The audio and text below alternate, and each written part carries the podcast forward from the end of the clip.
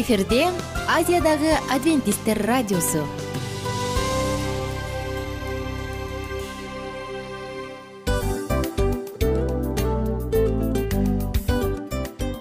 Достор салют. Баардык сүйүктүү угармандарыбызга салам айтабыз. Кутман күнүңүздөр менен. Ден соолук өмүрдүн булагы демекчи саламат саамы программасында баарыңыздарды көргөнүбүзгө абдан кубанычтабыз. Анда алгач амандашып өтөлү арбаңыздар деп. Ден соолугуңуздар кандай элибизде көбүнчө ден соолук кандай дегенде эле жакшы деп жооп беребиз э ооруп турсак дагы жакшы дейбиз. Анан мен муну айтып ойлойт элем бул абдан сонун сөз депчи анткени бул жакшы деген үмүт да э ооба баары жакшы болот баары сонун. Деп үмүттөнүп атып эле өзүбүздү өзүбүз дарылап коебуз.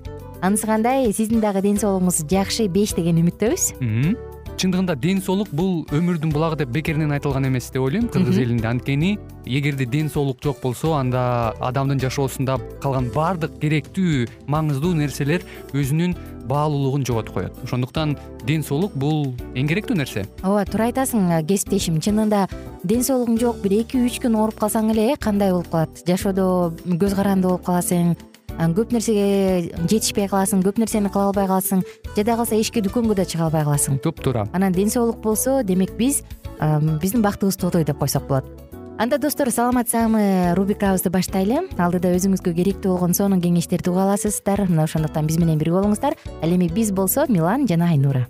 Кеттик алга. Алга саламат саама ден соолуктун жарчысы. Саламат саама ден соолуктун ачкычы. Күн сайын сиз үчүн мыкты кеңештер сонун жаңылыктар кызыктуу фактылар. Биздин рубрикада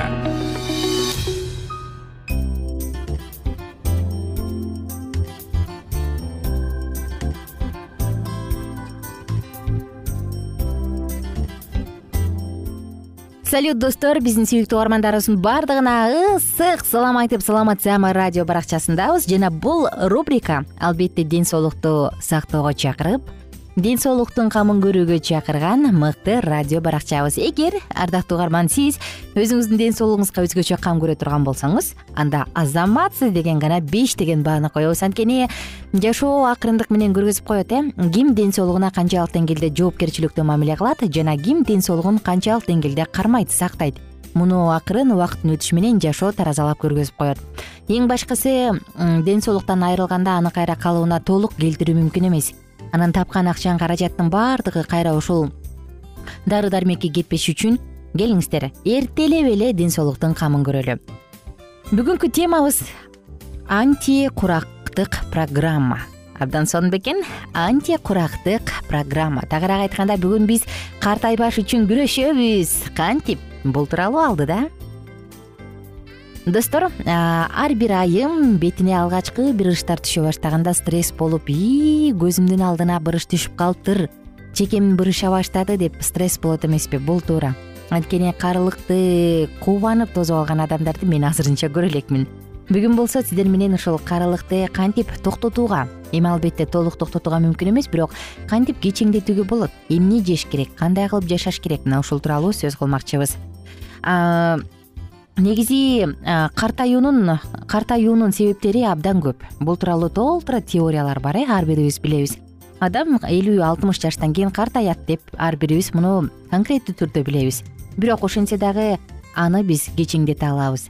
Алардын эң эле картаюуну алып келген эң эле негизги нерсе бул эмне десеңиз токсин же болбосо уулуу заттардын организмге чогулушу мына ошондуктан эгерде ушул теорияга ылайык айта турган болсок анда биз сөзсүз түрдө токсиндердин баардыгын нейтрализаштыралаштырып нейтрализациялап аларды туура убагында сыртка чыга тургандай кылып антиоксиданттык сок жана смузилерди ичкенге баардыгыңыздарды чакырмакчыбыз анткени дал ушул антиоксидантка бай болгон ширелер смузилер бизде картаюу процессин кечеңдетет. Дагы ошондой эле картаюуга эң эле сезимтал келген нерсе бул сексуалдык активдүүлүктүн төмөндөшү. Мүмкүн адамда каалоо жок болгондуктанбы же ар кандай бир физикалык мүмкүнчүлүктөр жок болгондуктанбы же бир шарт болбой турганданбы айтор айырмасы жок. Бирок эгерде адамда сексуалдык активдүүлүк төмөн болсо анда бул адамда картаюуну тездетет. Мына ошондуктан достор бул программа бир гана картайган адамдарга эмес же картайып бара жаткан орто курактагыларга эмес баардык курактагы адамдарга арналат албетте картаюудан биз толугу менен тим эле жүз пайыз качып кутула албайбыз бирок аны абдан кеч эле келе тургандай кылып кечиңдетсе болот. Буга кайсы бир элдердин кайсы бир улуттар бизге мисал боло алат э? Дагы ошондой эле достор биз картаюуну кантип кечиңдетебиз деген суроо туулат да. Алдыда дагы кенен сөз кылабыз ал үчүн бизде албетте канчалык бир деңгээлде жашообуздун туура жашоо образын жогору кылуу картаюуга эмне көрсөткүч боло алат? Бул жаш курактан эрте картаюу сексуалдык каалоонун төмөндөшү айымдарда болобу мырзаларда болобу баардыгында ошондой эле интеллектуалдык иш чара интеллектуалдык деңгээлдин жана физикалык деңгээлдин төмөндөп кетиши. Тагыраак айтканда жөндөмдүн кыймылдын төмөндөп кетиши. Айымдар дагы мырзалар дагы сөзсүз түрдө картаюуну алысыраак артыраак таштап койгусу келсе антикурактык программаны колдонгону жакшы. Бул бул нерсе адам канча гана жашта болбосун сөзсүз түрдө сексуалдык активдүүлүктү жогорулатканга жардам берет. Ошондой эле эгер сиз жаштыкты сактап калгыңыз келсе анда детоксикация программасын дайыма тажрыйбалап колдонуп туруңуз. Ошондой эле тамагыңызга рационуңузга антиоксиданттык жашылча жемиштерди мөмөлөрдү кошуңуз. Жана чылым чегүү алкоголдук ичимдиктер жана башка баңги заттарды колдонуудан толугу менен жүз пайыз баш тартыңыз. Убагында уктап убагында туруу жетиштүү уйку таттуу толук кандуу уйку дагы абдан маанилүү жана сөзсүз түрдө стрессти дагы кошпой кетүүгө мүмкүн эмес. Физикалык эмоционалдык стресстен качуу керек.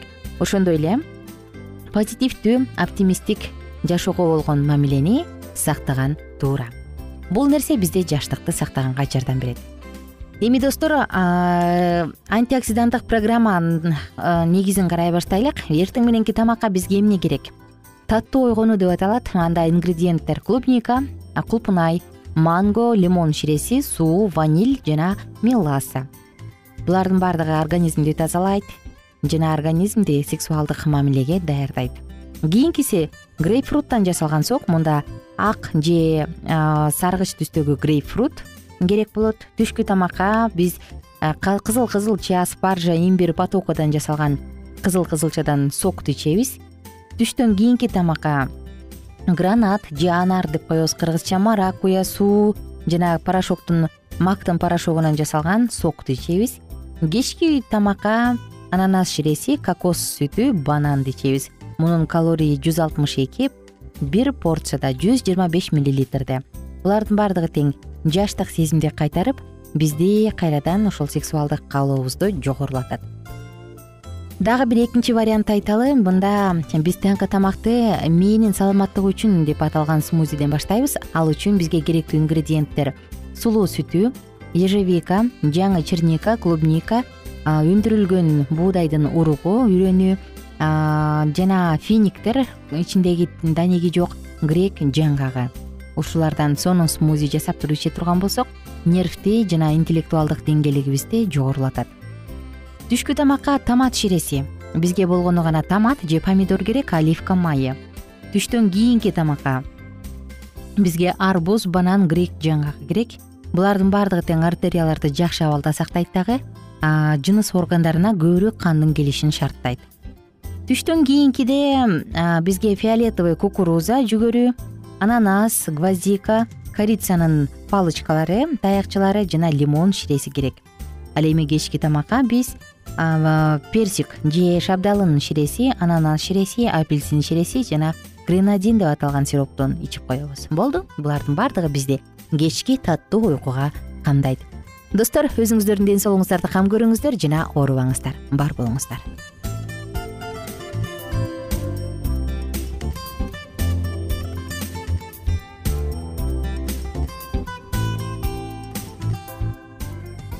кененирээк маалыматтар үчүн үч w чекит саламат чекит клуб сайтына келип таанышыңыздар. Жана андан тышкары социалдык тармактарда youtube facebook жана instagram баракчаларына катталыңыз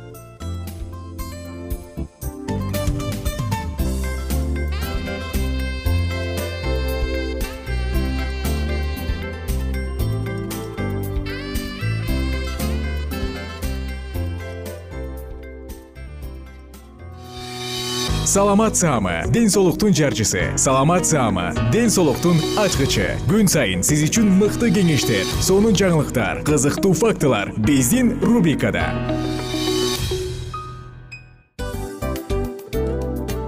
Салам достор. Кайрадан биздин сүйүктүү рубрикабызга кош келиңиздер деп айтмакчыбыз. Баардык замандаштарыбызга арбаңыздар деп саламыбызды айтабыз. Улуу ушундай бир урматтаган учурашуу менен анан дил маек радио баракчабызга чакырабыз. Негизи дил маек биздин рубрикабызда эмне жөнүндө кеп кылабыз? Бул дил маектин мааниси эмнеде? Рубрикабыз менен кичине тааныштырып кетсеңиз. Сөзсүз түрдө тааныштыра кетейин кесиптешим суранычы боюнча бул учурда бул радио баракчада биз ар тарап кесип ээлеринен сонун кеңештерди алабыз сүйлөшөбүз сырдашабыз аталарыбыздын эжелерибиздин апаларыбыздын кеңештерин угабыз айтор жан дүйнөгө адамдын э, сапатына адамдын деги эле адам болуп жашашына керектүү баардык кеңештер алдыда. Негизи э, дил маек дегенде баягы эки адамдын ортосундагы сырдашуу кенен сүйлөшүү. Негизи эле биз адамдар бири бирибиз менен бир жерге жай жерге отуруп алып өзүнчө тынч э, жашоо жөнүндө өмүрүбүздө эмне болуп атканын бөлүшкөнү жакшы көрөбүз э адамдар. Ооба туура айтасың анан мындай учурга кээде убакыт да жетпей келет э. Же болбосо сырыңды кайгыңды муңуңду кубанычыңды айткың келет адамга ишенбешиң мүмкүн. Ооба. А бул радио баракча угармандарыбыздын чыныгы досу. Анткени бизден алган кеңеш сиздин жашооңузга чоң жардам берет. Ал эми сиздин бизге айта турган сөзүңүз ортодо гана сыр бойдон калат. Ошондуктан биздин дил маек рубрикабызга дагы бир жолу кош келиңиздер. Жана биз даярдаган маалыматтарга даяр болуңуздар. Айнура жана милан сиздер менен бирге алдыга кеттик ар түрдүү ардактуу кесип ээлеринен алтын сөздөр жүрөк ачышкан сыр чачышкан сонун маек. Дил маек рубрикасында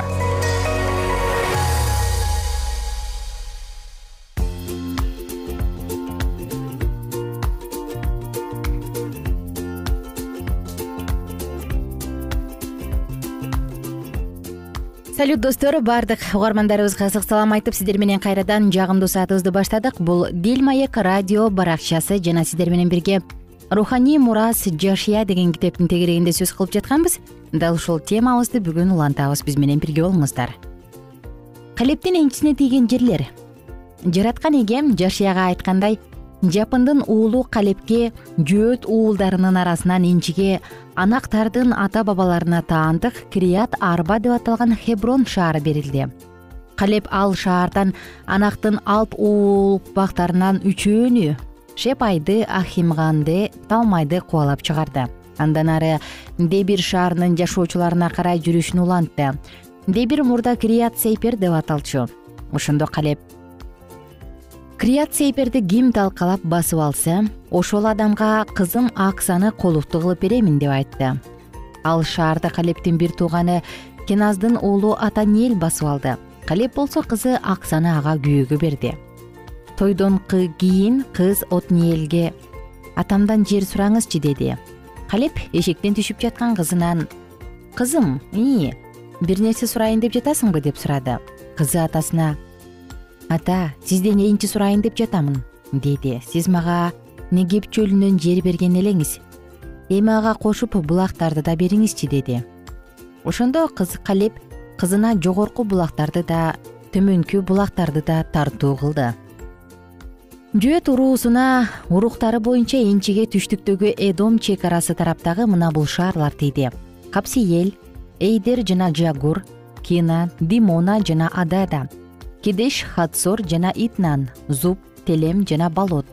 Хатсор хадат кериот хесрон деп аталган хатсор аймам шема жана молада хатсар гата хешмон жана бейт палет хатсар шуал бершеба жана бизиотия баала иим жана атсем элтолат кисил жана хорма цыклак мадмана жана сансана жана башка жерлер болду баардыгы кошулуп айылдары менен он алты шаар баардыгы кошулуп айылдары менен тогуз шаар. Экрон жана ага караштуу айылдар. Экрондун батышындагы ашдоттун жанындагы баардык айылдар. Ашдот жана ага караштуу шаарлар менен айылдар. Газа жана ал жерден мисир чек арасындагы дарыяга чейинки шаарлар менен айылдар. Булар жер ортолук деңиздин жээктеринде жайгашкан тоо койнундагы шамир жатир жана сохо данах кирият асана башкача айтканда дебир анап эштемо жана аним гошен холон жана гило. Баардыгы болуп айылдары менен он бир шаар. Баардыгы чөлдөгү шаарлар бейтараба мидин жана секак нипшан ирмилах башкача айтканда туз шаары жана энгеде баардыгы болуп айылдары менен алты шаар бирок иерусалимде жашаган жебустарды жөөт урпактары кубалап чыгара алган жок ошондуктан алар ушул күнгө чейин иерусалимде жөөт элине кошуна жашап келе жатышат. Кийинки өкчөмө таш жусуптун урпактары үчүн ташталды. Аларга тийген энчи жерлер ерихон шаарынын каршысындагы иордан дарыясынан ерихондун чыгыш тарабындагы булактардан тартып чөл аркылуу тоолордогу бейтел шаарына чейин жогорулап кетет андан ары чек ара бейтелден башкача айтканда лоздан атарот шаарындагы архилерден чек арасына өтүп барат. Ал жерден батышты карай жаплеттин урпактарынын жерине чейин төмөндөп олтуруп төмөнкү бейт керон аркылуу өтөт. Анан кезирге жетип андан жер ортолук деңизге барып калат. Ошентип жусуптан тараган манаш менен эпрайым уруулары ушул жерлерди энчике алды эпрайым уруусуна уруктары боюнча бул жерлер тийди. Анын энчисинин чектери күн чыгыштагы атарот адар шаарынан башталып жогорку бейт херонго чейин жетет. Андан ары чек ара жер ортолук деңиздин тарай ошол жакты көздөй созулат. Түндүктөгү мехметаттан чек ара чыгышта таанат шелого бурулуп жанубактын чыгышына жетет. Жанубактан аторат менен нааратка түшүп андан ары ерихонго анан иорданга барып такалат манаш уруусунун жарымына берилген энчинин ичинен эпрайым уруусуна башка дагы кошумча шаарлар менен айылдар бөлүнүп берилди. Бирок эпрайымдар кезерде жашаган канаандыктарды кубалап чыга алышкан жок. Ошондуктан канаандыктар ушул күнгө чейин эпрайымдардын арасынан жашап аларга букара болуп калышты. Өкчөмө таш ташталып манаш уруусуна энчи берилди. Манаш жусуптун тун уулу болгон. Манаштын тун уулу махир баатыр болсо гилаттын атасы болгон махир баатыр жоокер болгондуктан ага гилат менен башан жерлери берилди. Манаштын башка уруктары абьезирдин хейлектин асриэлдин шекем шейпер шамиттин урпактары да энчи алышты. Булар жусуптун уулу манаштын уулдарынан тараган уруктар. Манаштын кыбырасы махирдин чөбүрөсү гелаттын небереси хейпердин уулу салапаттын уулдары жок эле. Анын махла ноя хогла милка жана терса деген кыздары гана бар болчу ал кыздар дин кызматчы элязар нуундун уулу жашия менен эл башчыларынын алдына келип салапаттын кыздарына да эркек туугандары менен бирге энчи бергин деп жараткан эге мусага буйрук кылган болчу деп айтышты. Ошондо жараткан экенин буйругуна баш ийип жашия аларга да атасынын эркек бир туугандары менен чогуу энчи берди. Ошентип манаш уруусуна иордандын чыгыш тарабындагы гилат менен башан жерлеринен сырткары дагы батыштан он бөлүк жер берилди. Анткени манаштын урпактарынын кыздары да эркек туугандары менен чогуу үлүшкө жер алышты. Ал эми гилат жери болсо манаштын калган урпактарына тийди. Манаш уруусунун чек арасы ашыр уруусунун жеринен баштап шекемдин каршысындагы мехмематка чейин созулуп жатат. Ал жерден чек ара түштүккө бурулуп тапуах суусунун айланасында жашаган элге чейин барат. Тапуах аймагы болсо манаштын урпактарына тийди. Ал эми манаш уруусунун чек арасындагы тапуах шаарын болсо эпрайымдын урпактары алды. Тапуах шаарынан баштап түштүк чек ара кана ан сайына андан ары жер ортолук деңизге чейин созулат. Ар жердеги бир нече шаарлар манаш уруусунун жээгин жеринде жайгашса да эпрайым уруусуна таандык эле достор биз ушул жерден саатыбызды токтотобуз жана кийинки уктурууда сиздер менен бирге ушул окуяны андан ары улантабыз. Биз менен бирге болуңуздар. Күнүңүздөр мыкты маанайда улансын. Бар болуңуздар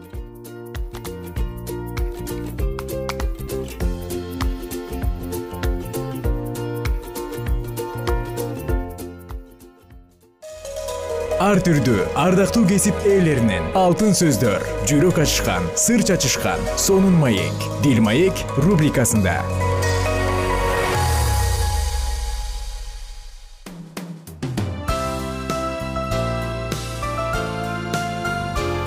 Эфирде азиядагы адвентисттер радиосу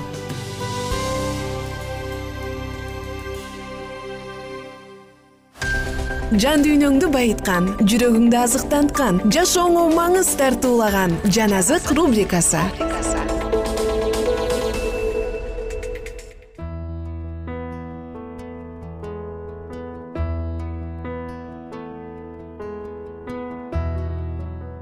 Салам достор сүйүктүү угармандарыбыздын баардыгына ысык салам. Жана сиздер менен бирге бүгүнкү уктуруубузда жан азык радио баракчасында тип жана анын шам чырагы деп аталган сонун аңгемени баштайбыз. Биз менен бирге болуңуздар. Биринчи бөлүм. Наныңды сууга агыз. Июль айынын жаркыраган таңы. Жекшембилик мектептин чоң залында бала демейдегиден көп. Бүгүн эмнегедир алардын көңүлдөрү шат.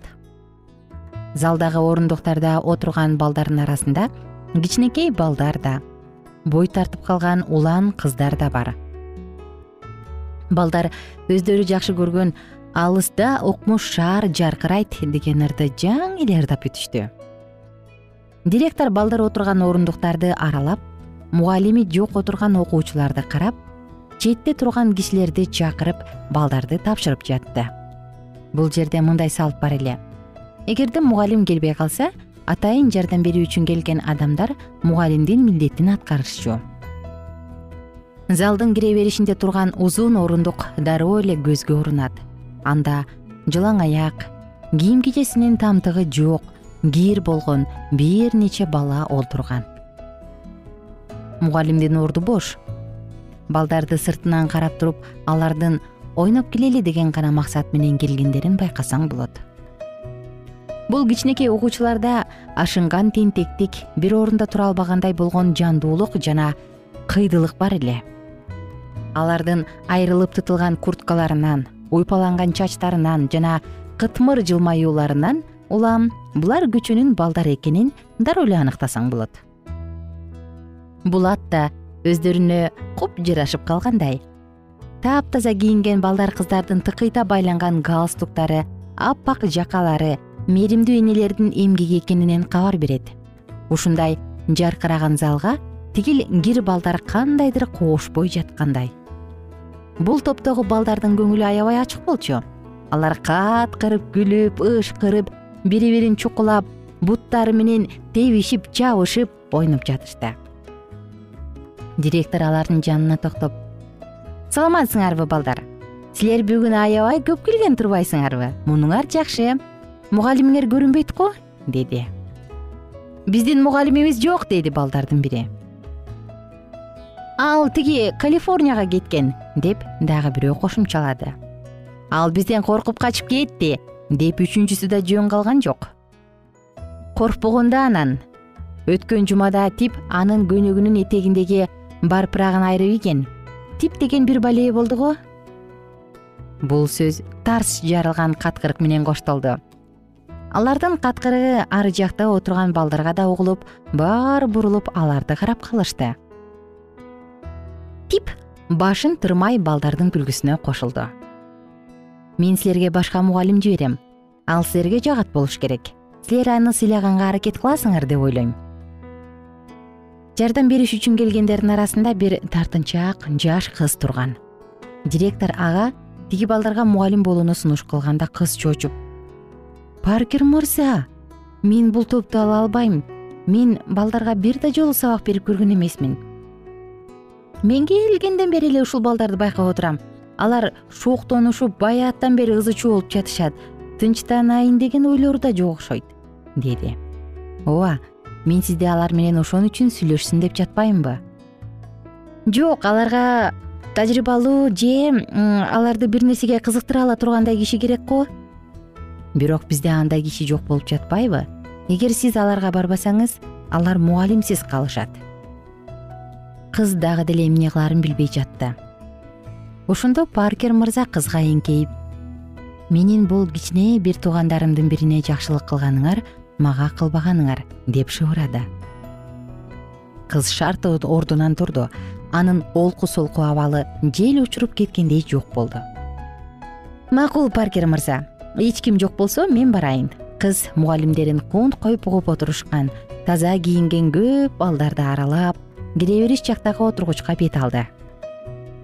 Мына достор мен силерге жаңы мугалимиңерди тааныштырганы алып келе жатам. Бул эжейиңердин аты перри.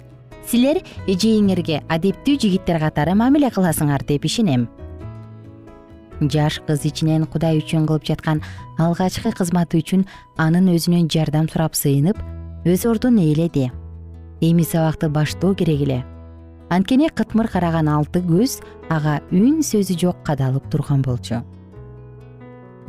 Мага өткөн сабакта жаттоого берилген аятты айтып бере аласыңарбы? Деп ал балдардан сурады. Бүгүн айта албайбыз деди дайыма биринчи жооп берген боб тернер.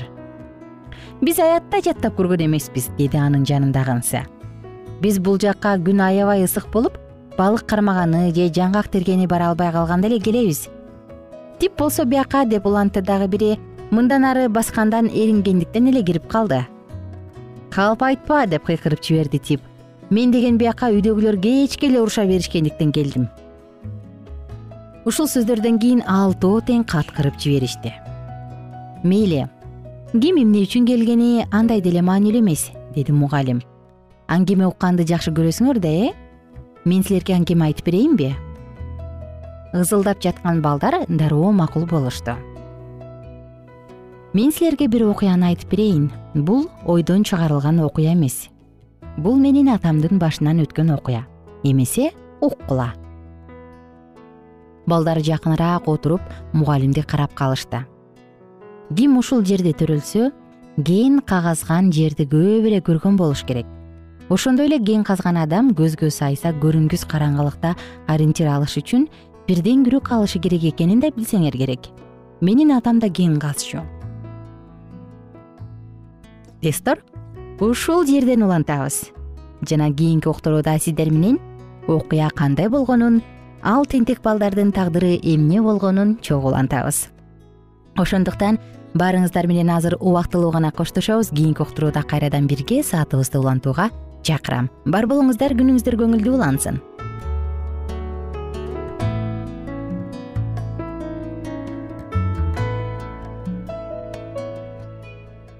эгер сиздерде суроолор болсо же көбүрөөк маалымат билем десеңиз анда биздин whatsapp номерибизге жазыңыз. Плюс бир үч жүз бир жети жүз алтымыш алтымыш жетимиш. Кайрадан плюс бир үч жүз бир жети жүз алтымыш алтымыш жетимиш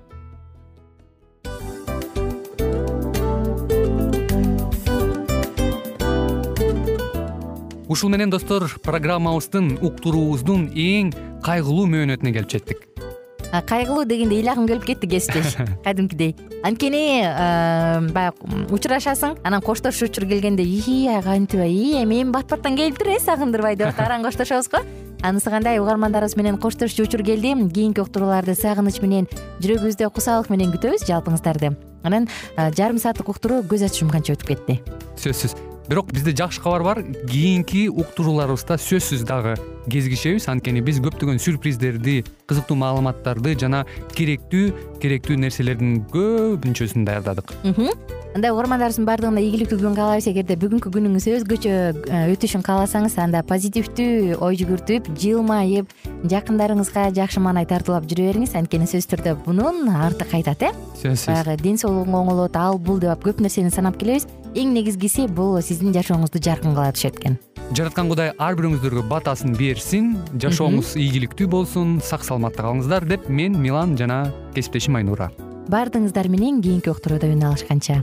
Баарыңыздарга ийгилик каалайбыз